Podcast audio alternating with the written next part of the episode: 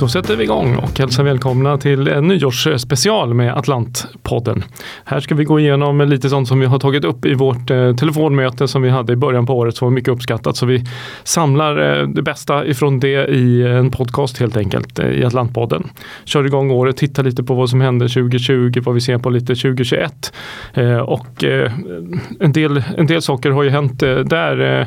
Bland annat att tre av våra fonder har fyllt tre år. Atlant Opportunity har haft en årlig snittavkastning på 5,5 procent i riskklass 3 och den har till och med fyllt fem år. Eh, och sen så har vi Atlant Multistrategy som också fyllt eh, lika många år med en årlig snittavkastning på 3,3 procent i riskklass 3 och Atlant Protect som var upp 9,2 procent under 2020. Den ligger i riskklass 4. Eh, och i början av februari 2021 eh, här så fyller Atlant Precious fem år också. Så vi har många femåringar nu i, mm. i fondstallet där vi har eh, sju fonder sammanlagt. Men det vi ska eh, tala om här det, det blir då eh, med Taner Piktöken, förvaltare som främst har ansvar på eh, kreditsidan. Mm. Ja, vad har vi att säga om 2020 och vad händer 2021 i våra portföljer på kreditsidan? Mm. Ja, men 2020 var ett väldigt intressant år i, om man tittar på egentligen i alla tillgångslag. Men vi tycker att kreditmarknaden kanske var det den marknad eller tillgångslag som hade störst volatilitet i relation till den risk och den avkastning man kanske har, har förväntat sig. För, för att mars var ju en extremt turbulent månad i, egentligen i alla tillgångslag men vi såg i, i Norden att den nordiska företagsobligationsmarknaden tappade ungefär 30-35 procent från, från, från, från toppen till botten och det gick bara på på, på två, två och en halv veckor. Så att, att det var en ett väldigt Eh, en väldigt turbulent period där vi såg väldigt stora värdeförändringar. Och, och det här var egentligen en, någonting som vi har varnat om i, i, flera år och vi har länge talat om att det här är en marknad som vi nästan inte tycker bör kallas för en marknad för att det finns en strukturell illikviditet i marknaden i hur den fungerar. Det vill säga du har ett, ett antal fonder som är väldigt stora och som har in och utflöden ungefär samtidigt och som köper ungefär samma saker. Och du har ingen naturlig motvikt i marknaden, det vill säga du har inga naturliga köpare när alla andra är säljare. Och det här leder ju till en volatilitet i en marknad som är artificiellt för låg. Och, och tittar man på hur den nordiska företagsobligationsmarknaden har sett ut de senaste 4-5 åren så ser det ut som att den i långa tidsperioder bara går rakt upp hela tiden. Det är väldigt få minusdagar egentligen en extremt låg volatilitet. Och vi har ju även i de perioderna sagt att det här är ett tecken på en strukturell likviditet. Eh, och det finns egentligen inget tillgångslag som kan avkasta den liksom, 3 5% om året med den låga volatiliteten. Så vi har sagt att det här kommer leda till att vi har en, när, när nästa korrektion kommer så kommer det bli väldigt stora tapp och det kommer, det, det kommer förmodligen komma i en period där investerare som äger den här typen av fond inte förväntar sig att man ska kunna ta tapp eh, som är i linje med eller till och med värre än i aktiemarknaden. För, för jag menar, jämför man Nordiska företagsobligationsindexet så består den eh, i mångt och mycket av bolag som håller en väldigt hög kreditkvalitet. Alltså det finns en väldigt hög grad av så kallade investment grade obligationer.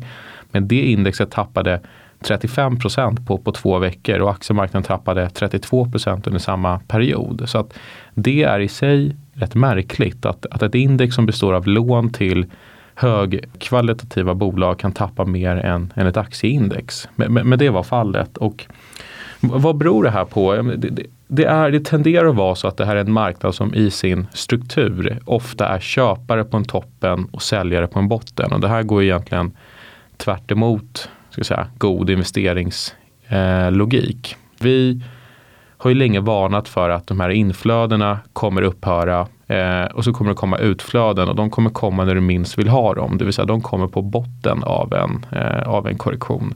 Så det var egentligen det som hände under under mars. Vi såg, eh, jag menar alla känner till fonder, att det var fonder som behövde stänga för in uttag och, och, och det där är kanske ett tema för, för en annan podcast. Men, men vi var i en situation där, där vi hade en väldigt hög andel likviditet och vi var egentligen nettoköpare över hela mars månad och det var det som gjorde att vi kunde ha en ganska snabb och en ganska rejäl återhämtning. Vad var det som eh, utlöste hela den här marknadsrörelsen? Ja, det var ju såklart det, det, var ju turbulens kring, kring corona. Men, men det som ledde till de enorma tappen var att fonderna fick helt plötsligt utflöden och vi såg till exempel att i, eh, i mars månad så försvann det ut lika mycket pengar ur fonderna som alla ackumulerade inflöden under hela förra, året innan, så under hela 2019. Så det var runt 23 miljarder i, i nettoinflöden 2019 och bara under mars månad så försvann det ut 22,5 miljarder i de här fonderna. Och det är klart att i en sån situation där fonderna är dagshandlade så hamnar man i en situation där det är en väldigt stor missmatch mellan likviditeten i fondens innehav och den likviditet som fonden måste leverera till sina investerare. Och, det var egentligen det, det som ledde till de här enorma tappen. För att i en sån period så de fonder som behöver sälja, de fonder som har utflöden, det var ju fonder som tappade 30-50% av sin fondförmögenhet på, på en vecka. Då, då hamnar de i, i en olycklig sits där de måste sälja och det spelar egentligen ingen roll vad priset är. Och de, för de få köpare som finns i marknaden då, så, så, ja, då ställer man det pris man vill köpa på och ofta så får man på sig obligationer där. Och det leder till rejäla tapp för de som måste sälja och goda möjligheter till de som kan köpa. Och eh, det ledde till en avkastning på året som blev bra då för mm. Eh, mm. både Atlant Stability och Atlant Opportunity.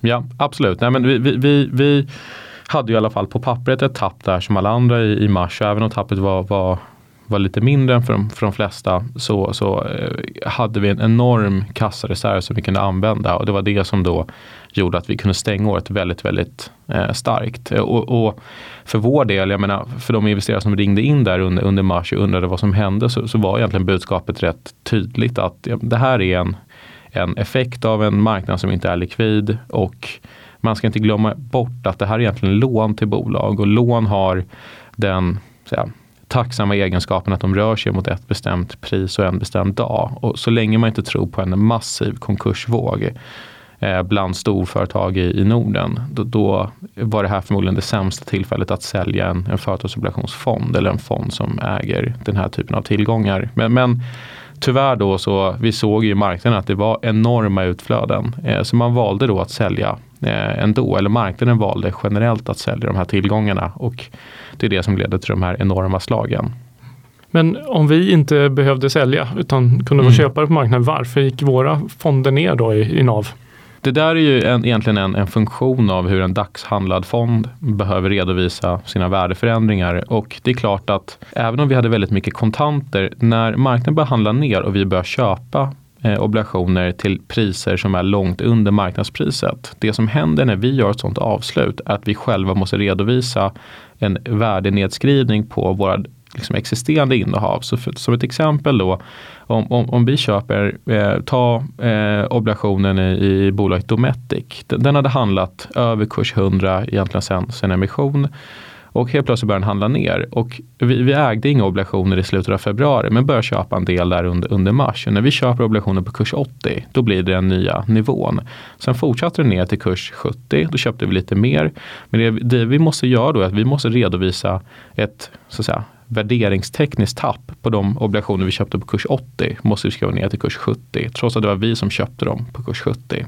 Och, och så ser det ut och den obligationen bottnade runt kurs 55 och vi behöver då realisera de här, i alla fall på pappret, eh, det här tappet ner till, till 55. Men det, det är egentligen en konsekvens av att vi har en dagshandlad fond som behöver värderas på sista avslut hela tiden. Men jag tror att man som investerare behöver i, i, i sådana perioder bortse från de tapp man tar och, och egentligen fundera kring vad det är som leder till permanenta värdeförluster. Och i obligationsmarknaden så är det egentligen två saker. Det ena är såklart att ett bolag går i konkurs. Eh, då har du en, eh, ofta ett permanent värdetapp.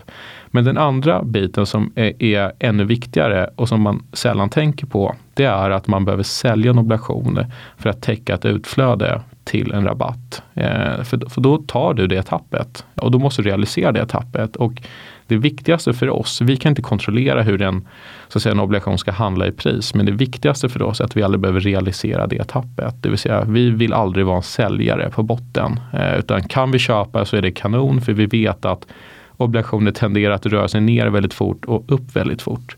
Och kan vi vara en köpare där nere så, så är det fantastiskt bra. Men, men det absolut viktigaste för oss är att aldrig vara en forcerad säljare i en sån marknad. Mm. Hur ser vi på den här marknaden i år? Vad, vad ser vi framför mm. oss? Ja, men tittar man på marknadsdynamiken så har ju den inte förändrats. Den, den är precis lika illikvid som den alltid var. Och, och, och, det är klart att nu när marknaden varit väldigt stark sedan egentligen mitten av april 2020 så då har man, det här har ju halkat lite lite längre ner på agendan för de flesta som, som tittar på hur den här marknaden är uppbyggd. Eh, så jag skulle vilja säga att riskerna är fortsatt de samma. Likviditeten är fort, fortfarande lika dålig. Det är bara att nu är den lika dålig åt andra hållet, det vill säga nu är alla köpare och det är väldigt svårt att köpa obligationer. Tittar man på avkastningspotentialen så skulle jag säga att den är hyfsat god. Jag tror att det är väldigt svårt att gå emot den här enorma likviditetsvågen som sköljer över marknaden och jag tror att jakten på yield kommer driva kreditspreadar tajtare och jag, och jag tror att det är mer troligt än inte att vi skulle se att om man tittar på avkastningspotentialen för 2021 så tror jag att vi kommer landa någonstans runt 3 till 4 procent, kanske marginellt över det. Så jag tror att vi, jag skulle inte bli förvånad om vi stängde, eh, om, om marknaden, företagsobligationsmarknaden i Norden stängde 4-5 procent upp på året 2021. Men det, det, som är väldigt viktigt att, att påtala är att riskerna, är, riskerna finns där. Och även om så här, vi ser vad alla andra ser i, i, i de här enorma penningpolitiska och finanspolitiska eh, åtgärderna som, som kommer in i stimulanserna så tror vi att det finns risker som kanske inte är helt inprisade. Och, om man prisar någonstans nu in ett, ett scenario där de här stimulanserna inte kan ha några negativa konsekvenser. Och, och, och, vi tror väl att temat för andra halvan av året kommer bli att försöka blicka lite bortom om pandemin och se men hur ser världen ut efter pandemin. Och, och då kan man börja fundera kring teman som inflation, vad händer om jag menar, om vaccineringen lyckas, vi börjar se att vi börjar närma oss en, en, en, en, en värld där pandemin är bortglömd. Då kan man fundera på vad som händer med de här likviditetsinjektionerna i marknaden. Och det är tyvärr så att vi, vi nästan har hamnat i en värld där liksom, dåliga nyheter är bra nyheter och vice versa. Eh, för att det är stimulanserna som håller marknaden uppe. Det, det, det råder inget tvivel om. Och vid något tillfälle så ska de här börja mattas av. Eh, och ja, vi, det, det, vi får vi se hur marknaden tar emot, eh, tar emot eh, liksom nedtrappade stimulanser. Mm. Så att eh, vi, ser, vi, ser att eh, vi ser positivt på kreditmarknaden men, ja. men eh, vi håller ögonen öppna. Vad är sannolikheten för att det ska hända en sak som hände i i mars 2020. Mm, ja, men det, det, det paradoxala är att man vet aldrig eh, och de risker man ser är, tenderar att inte vara de risker som faktiskt drar ner marknaden utan det brukar vara någonting annat. Och jag menar, som ett exempel skulle kunna vara att vaccineringsprocessen dröjer. Det skulle kunna vara någonting som, som, som drar ner risksentimentet. Eh, men det kommer förmodligen bara mötas av ännu större likviditetsinjektioner, ännu större stimulanser. Men, men jag skulle säga att man bör vara, ha en positiv hållning till risktillgångar i alla fall där vi står idag och, och, och det har vi. Men, men, som sagt, vi har livrem och hängslen på och, och jag tror att vi, vi, skulle vara väldigt snabba på att justera riskprofilen i, i fonden om det skulle behövas. Mm. Så med det så eh, gratulerar vi våra femåringar och tackar mm. Eh, Taner för eh, genomgången på, av kreditbenet i våra, i våra portföljer och ser fram emot ett lyckosamt eh, 2021. Mm, tack så mycket. Tackar för det. Då fortsätter vi till den andra delen av eh, Atlant eh, nyårspodd eh, där vi har lyssnat eh, Tane berätta om kreditbenet i våra fonder och vad som hände under 2020 och precis vad som kommer hända 2021. Och nu tänkte vi ta hjälp av Nikos för att höra lite mer om aktiedelen och om den delen av marknaden. Vad som hände under 2020, vad vi tänker framåt kring 2021 och så vidare. Så att jag lämnar över till dig Nikos. Ja, 2020 var ju ett eh, väldigt spektakulärt år. För det som vi fick var ju corona då. Men det som var roligt var att vi, vi låg ju i en väldigt lång trend som redan var liksom den längsta nästan konjunkturcykeln i historien. Och så har vi fått som en eh, som en liksom konjunkturcykel i den stora konjunkturcykeln. Så liksom 2020 blev året när vi fick en liten paus och så fick vi en stor nedgång och sen en tillbakagång och sen så är vi tillbaka i den gamla konjunkturcykeln kan man säga nästan. Så, uh, så, det, så, det, var väldigt udda på det sättet att vi fick som en snabbspolad konjunkturcykel i den stora. Så under året så, uh, det tror jag alla som liksom handlade, det gick liksom väldigt fort ner, det gick väldigt fort upp. Så det var ett väldigt intensivt år. Förutom corona då, så var det ganska kul år att följa marknaderna. Vad var det som hände då? Jo, vi fick ju den här stora, stora störningen. Alla liksom ekonomier och alltihopa stängde ner. Och, och uh, så liksom, det var ju väldigt självklart att det skulle gå ner då. Ehm, till skillnad till om man kollar historiskt, tidigare nedgångar så är det excesser som har byggts upp under en ganska lång tid. Ehm, det brukar finnas någon fundamental eh, liksom, anledning. Det är liksom, man har tryckt saker för långt och, och sen så finns det någon fundamental anledning till att ekonomierna, saker blivit övervärderade och ekonomierna börjar gå sämre. Här kom det liksom sådär, bara på en sekund, en exogen chock som bara ställde till det. Så det berodde liksom inte nödvändigtvis på att man hade byggt, byggt upp massa excesser i de faktiska ekonomierna utan maskineriet låg ju och fungerade. Så kan man ju tycka att saker var, var dyra eller vad man kan tycka ändå men, men, men det fungerade liksom ändå och, och vi producerade liksom på global basis. Och, men det, det vi fick se då, det var väl ändå stater som agerade utan motstycke.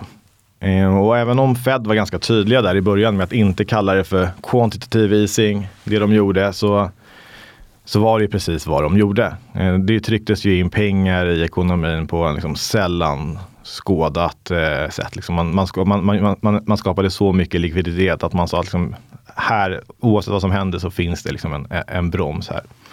Och eh, för att liksom sätta det i perspektiv så kan man säga att vi har ju haft de här, eh, sen Lehman, då hade vi det här första quantitative easing-programmet och hur mycket man höjde på ögonbrynen kring det. Och sen så fick vi QE2 och så QE3. Och det vi hade nu då egentligen, det var ju de tre paketen tillsammans på någon månad. Liksom. Så, som bara, så mycket likviditet var det som bara pressades in i marknaden. Och Feds liksom balance sheet gick från att vara, ligga runt fyra, ja, det, liksom, det dubblades i princip bara på, på, på en månads sikt. Vilket var, det har man liksom aldrig sett det. Och från, från redan liksom nivåer där man har pratat om att skuldbördan globalt sett är, är ganska ansträngd. Och det var inte bara Fed som gjorde det här. Det här var ju liksom någonting som alla centralbanker gjorde tillsammans. Och det intressanta här då, det är liksom att sätta det här i perspektiv. För innan corona så var det ändå en sån sak som man, man pratade lite grann och oroade sig för. Liksom, den här skuldbördan, de här skulderna som har byggts upp sedan Lehman överallt. Ehm, och man pratar om ja, hur länge är de här nivåerna hållbara? Exempelvis i, i Europa så var det, liksom, det är väl inget land som uppfyller vad EU-kraven säger att man ska få ha i skuld. Och, ja, Sverige gör ju det. Eh, men, men det är väldigt få eh, som, som ligger under 60 procent i skuld av BNP. Och redan innan då när vi kollade i januari, då hade vi den största liksom, skulden i världen sett till, till, till BNP som vi haft sedan eh, andra världskriget. Så i fredstider har vi liksom aldrig varit i närheten av den nivåerna. Så på det lanserade man liksom nu då ett, ett, ett liksom, byggde man på skulderna i aldrig liksom tidigare, i en fart som aldrig tidigare skett. Så från rekordnivå till att ha det största enskilda året av skulduppbyggnad någonsin. Det är väldigt intressant om man kollar liksom, världens länder och framförallt om man kollar liksom, vilka var det som eh, liksom, gjorde mest så ser man ju då att det var ju det var ju Kanada, Japan, USA, de länderna. Det är också de marknader som gick bäst. Eh, så det är en sån sak man kan, man kan ha med sig. Att det, man, man, man, ser ganska tydligt att de länder som verkligen tryckte på eh, och tryckte ut likviditet i systemen. Det var de som också har verkligen fått tillbaka sina priser på risktillgångar. En annan grej som jag tycker är värd att poängtera som hände nu som inte har hänt tidigare. Det var ju dels att om man kollar på de första quantitative easing-programmen så uh, köpte USA då ett, det, det de gör då egentligen är att de, de swappar ju en lång tillgång mot en kort. Så de är lite emot det här man kallar det för penga, pengapress eh, helt. För att det de egentligen gör är att de köper ju långdaterade tillgångar och så skjuter de in kortdaterade. Den mest kortdaterade som finns på din balansräkning. Så du får ju cash, rena cash som är den kortaste. Och så köper de kanske en tioårig statsobligation. Så det är egentligen en asset swap eh, snarare än en, en, en liksom, ren pengaprint. Men, men, nu så nu så köpte man dels, gick man in och, och så började man köpa skuld i privata bolag. Det har man inte gjort tidigare. Man köpte till och med high yield. Eller man sa att man inte fick köpa high yield, man fick köpa fallen angel. Så det var alla de bolagen som ramlade ner från att ha varit investment grade tidigare. Eh, men man har också eh, skickat på folk på gatan pengar i fickan. Och jag såg någon statistik, nu har inte jag faktiskt faktakollat det men jag tror att, att eh, genomsnittsamerikanen har 2020 fått in ungefär 8000 dollar, drygt 8000 dollar mer på sitt konto än vad de hade fått om inte corona hade hänt. Vilket betyder att alla människor i USA i snitt har fått ja, vad blir det, 64 000 kronor mer på sitt konto än vad de hade fått om de, corona inte hade hänt och det hade rullat på ett år till om man hade fått jobba. Så det är klart att det här, det här blir saker som blir väldigt intressanta att följa. Men det här var det som hjälpte då. Eh, den lilla korta, man säga, snabbspolade konjunkturcykeln i den stora längre. Och nu är vi tillbaka. Och i 2020 så sa vi liksom att i början, då såg man det var ju ett, det, det, liksom, det hade lönat sig att vara girig. Ta mycket risk, räntorna skulle vara låga för alltid. There is no alternative. Liksom, all in eh, på risktillgångar, gärna med så mycket hävstång och leverage som möjligt så hade det liksom slagit väl ut. Och om man kollar avslutningen på 2020 så var det ju som att nu skulle man vara ännu girigare. Det lönar sig att vara ännu girigare. Så från att vara liksom, om 2019 var girigt ens år så avslutades ändå 2020 i att vara ännu girigare. Om man ser vissa saker som händer nu i marknaden så det, finns, det händer liksom helt galna grejer eh, inom många aktier. Och, eh, så man märker verkligen att eh, det, är, det är så mycket risk-on som det kan vara. Och framförallt så har retail då Eh, klivit in. Kanske mycket hjälpt av att de här liksom stödprogrammen och pengar in på kontot, att man inte man var permitterad och kanske inte gick till jobbet. Men, men retailhandeln i USA har ökat enormt. Och eh, ja, nu, nu har ju alla sett kanske liksom här media med Wall Street Bets och hur de tar olika aktier och driver dem. Men, men retail har blivit en väldigt viktig eh, drivare av, av aktiemarknaden. Eh, och de är, de är inte konservativa när de tar risk. Hur fortsätter det här? Fortsätter centralbankerna stötta alla tillgångslag? Jag vet japanska centralbanken har ju väl till och med börjat köpa aktier. Ja, det gjorde de egentligen redan innan. De var väl största ägare i, i, i de flesta aktier. Det som, det som var den stora skillnaden nu är väl egentligen att eh, flera andra västvärldens eh, centralbanker hoppade på det japanska tåget av att göra samma saker. Eh, nu köpte man väl lite direkta aktier men man köpte ju eh, skuld i privata bolag. Och som gjorde alltihop. Och det är nästan ännu viktigare för bolagen. Eh, för deras, liksom, eh, att de ska kunna finansiera sig superbilligt.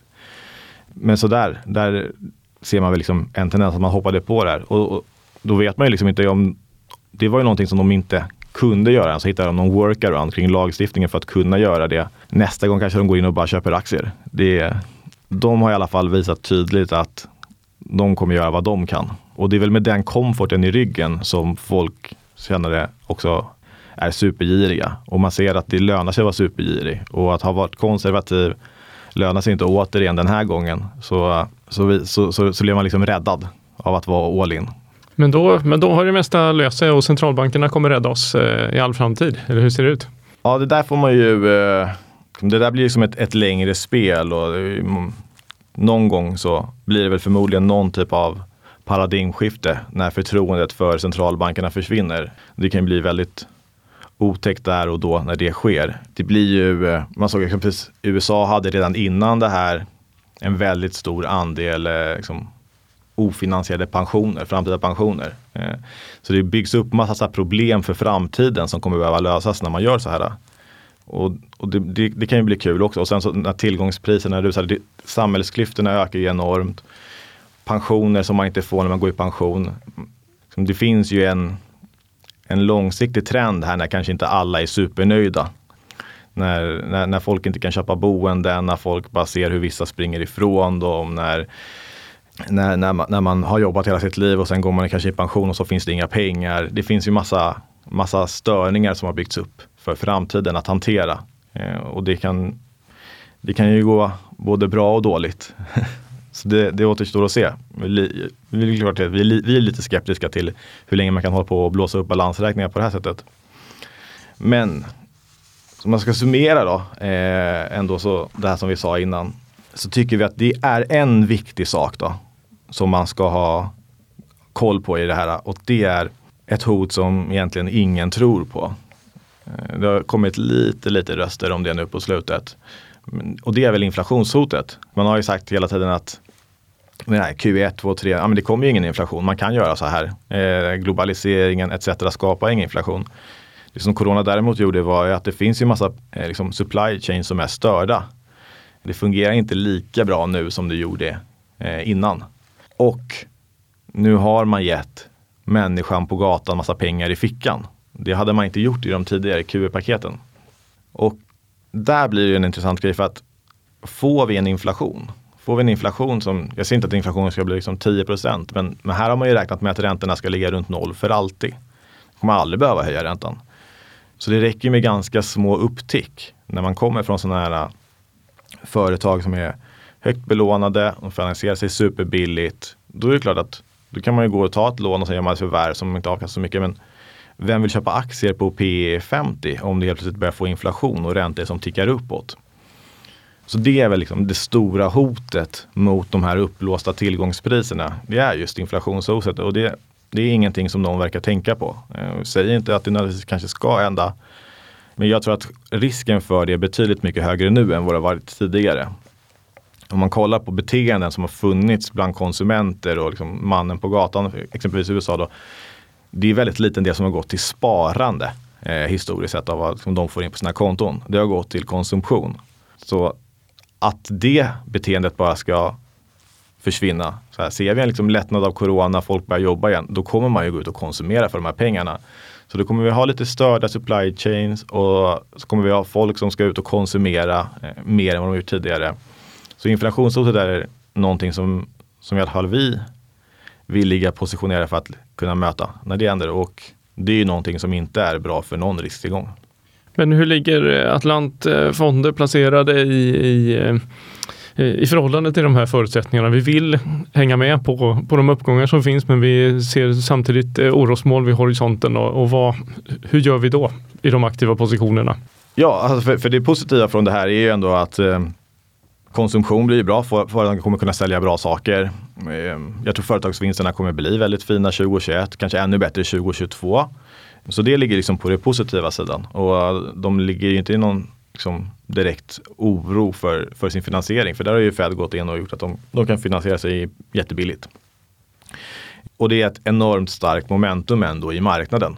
Så eh, de här liksom orosmolnen finns ju och byggs upp men samtidigt så skulle det här kunna liksom fortlöpa i ett, två år till och det finns många saker som tyder på liksom fortsatt uppgång. Ehm, så Atlant försöker väl vara med och dansa på diskot nära dörren. Hängslen och livrem på men ändå vara med. Och det här hjälps väldigt mycket av vår liksom, derivatkunskap där vi istället för att gå in och ta en, en direkt position där vi blir upplåsta så tar vi, kan, vi, kan vi vara med och, och köpa köpoptioner exempelvis. Ta små bets eh, men, men där uppsidan kanske är lite mer exponentiell riskerar vi inte så mycket pengar eh, och på det sättet kan vi liksom hela tiden vara med även, även i uppgången. Eh, men beredda på en, på en större nedgång. Så att det är väl som alltid, vi ska ju vi kan ju sia och gissa och hitta på vad vi vill och om, om vad som ska hända. Vi ska ju avkasta våra, klara våra avkastningsmål förhoppningsvis, även om det går ner 50% eller upp 50% 2021.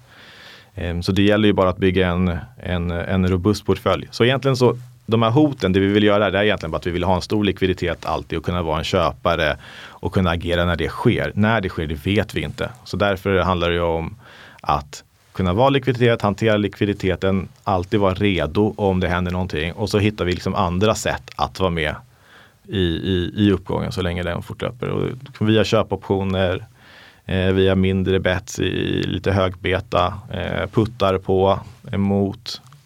Så det är så vi arbetar. Härligt!